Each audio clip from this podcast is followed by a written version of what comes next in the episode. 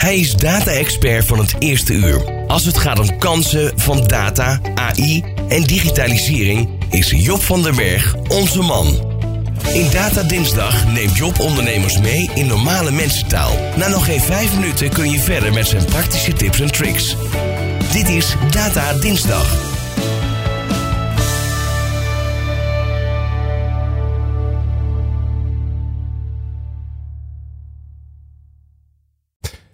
Kunstmatige intelligentie is breed toegankelijk. Iedereen kan ChatGPT gebruiken en er zijn inmiddels duizenden AI-gedreven tools die bijna niks kosten.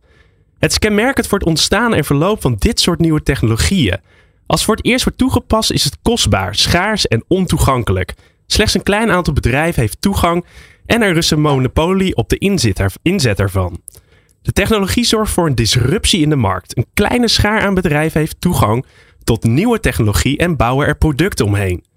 Op een gegeven moment komt er een kantelpunt. De technologie wordt beschikbaar gemaakt aan het grote publiek. Het is breed toegankelijk. En dan, dan verdwijnt het concurrentievoordeel. Een goed voorbeeld is TomTom, die als een van de eerste navigatiesoftware wist te ontwikkelen en daar een product omheen wist te bouwen. Het bekende TomTom-kastje dat je in je auto had. TomTom moest zijn verdienmodel en strategie drastisch aanpassen toen navigatiesoftware en locatiedata breed toegankelijk werden. En Google met Maps er een gratis product van maakte. Precies nu zitten we op hetzelfde kantelpunt. Bedrijven die een businessmodel hebben dat zich onderscheidt door de toepassing van kunstmatige intelligentie gaan het lastig krijgen komende jaren. Hun onderscheidende vermogen zal verdwijnen. Twee voorbeelden. Chatbot-leveranciers die langer tijd door de inzet van taalmodellen als een van de weinigen een tool konden leveren voor geautomatiseerd klantcontact. De bekende geautomatiseerde chats. Met de komst van ChatGPT is een monopolie op AI-gedreven klantgesprekken verdwenen. Een ander voorbeeld dat je wellicht minder zou verwachten. Leveranciers van liftoplossingen in grote gebouwen. Je kent het wel, een rij liften naast elkaar, je drukt op de knop en het scherm geeft aan welke je naar boven gaat nemen. Een zeer geavanceerd model gedreven door kunstmatige intelligentie zit hierachter.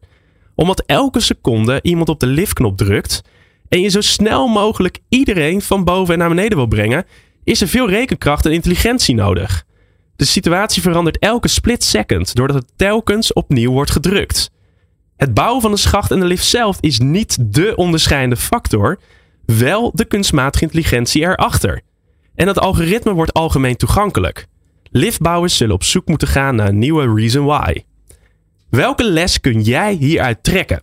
Nou, technologie die nu niet voor jouw bedrijf bereikbaar is, wordt op een dag gemeengoed.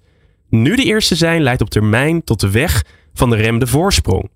Mijn advies: omarm technologie zo snel mogelijk en denk vooruit. Succes! Dankjewel Job. En ook een heel mooi linkje met, uh, met Edwin. Want ik denk dat er uh, weinig bedrijven zijn in de markt die dusdanig gerobotiseerd, gerobotiseerd en geautomatiseerd zijn als Monta. Kan je even kort vertellen aan de luisteraar wat jullie allemaal hebben rondrijden op de vloer in, de, in, in, jullie, in jullie warenhuizen. Maar wat ook voor een slimme intelligentie er op de achtergrond meespeelt.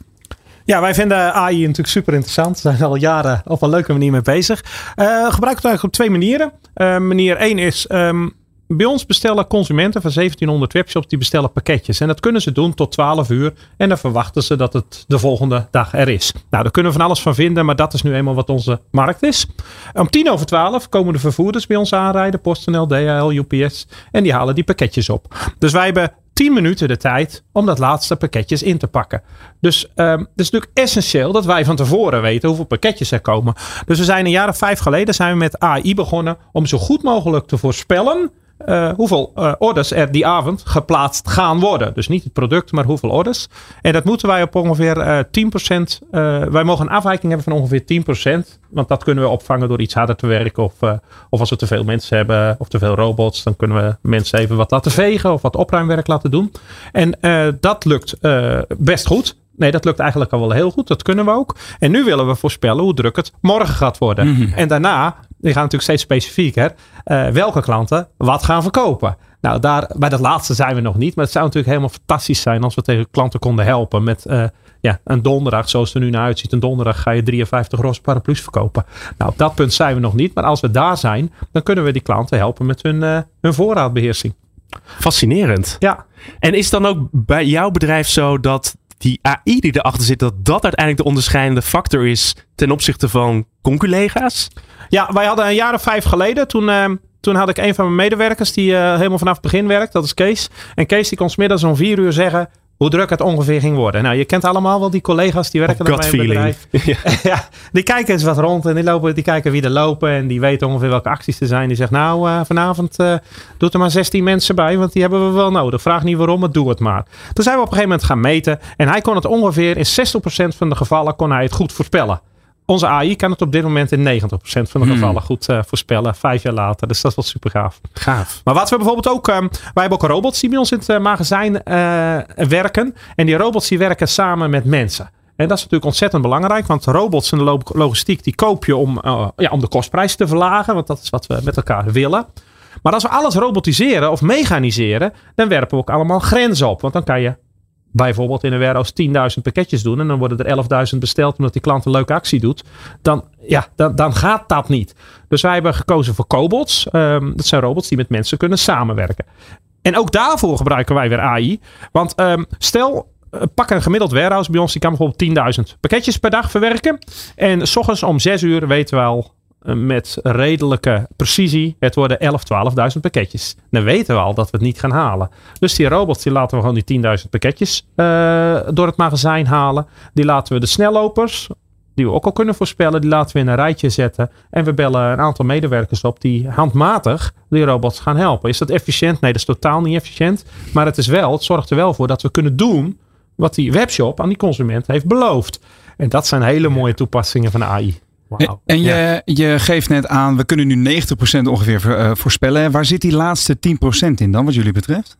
Ja, we hebben bijvoorbeeld uh, we hebben een hele succesvolle klant, uh, Discounter. Die doet soms s'avonds om 11 uur doet hij nog even een uh, tv-reclame doet hij eruit. Ja. ja, die kunnen wij niet voorspellen. Die gebeurt dan. En ineens zijn er honderden mensen extra die nog even een dekbed bij hem kopen. En dus we gaan nooit naar die 100%. Okay. Maar die 90% is voor ons voldoende. Want die kunnen we opvangen door de mensen te vragen: jongens, uh, even in plaats van een kwartier pauze, even 10 minuten. Nemen we morgen wat extra pauze. Of, uh, ja. En, kort vraag. Door die efficiëntie die je pakt. Want ik vind het fascinerend hoe je die balans hebt gevonden tussen mensen en machine. Of mensen en robot. Wat, wat doe je met die efficiëntie die je daarmee behaalt? Ga je daarmee de, de prijs omlaag brengen?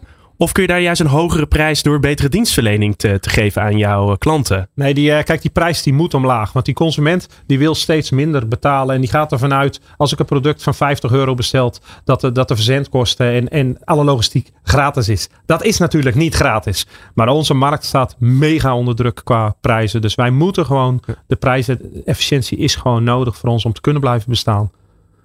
Want een pakketje uit China laten komen, dat doe je soms al voor 2 euro. En in Nederland kost het al meer en dan moeten we het nog verwerken ook. Mm-hmm. Waar loop je nog tegenaan? Wat zou je, wat zou je in de, als je echt ver filosofeert, wat is nou nog een uitdaging vandaag de dag waar je denkt, nou, dat zou ik dus nog heel graag willen automatiseren bij ons? Misschien, ja. ook, misschien ook iets in je eigen werk.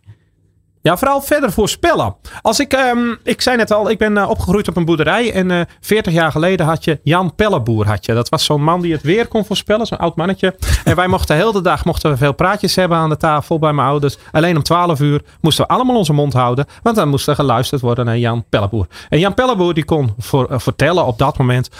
Aanstaande donderdag gaat het waarschijnlijk in het midden van het land. Komt er een buitje regen. Nou, dat was echt geniaal. Als je nu naar Buienradar kijkt. Die vertelt me dat morgen hier op het Mediapark om 10 uur tot kwart over tien een buitje aankomt. Nou, dat voorspellen, dat zouden wij willen voor onze klanten. Dus nog meer voorspellen hoe ze beter met hun voorraden om kunnen gaan. Want het is natuurlijk van de, uh, van de zotte. We hebben een voorraadprobleem gehad uh, een aantal jaren geleden. Er was overal te weinig voorraad. En het gevolg is dat al onze klanten druk zijn, inslaan, gaan, zijn gaan inslaan. Ja. En al onze warehousen volgooien met voorraad.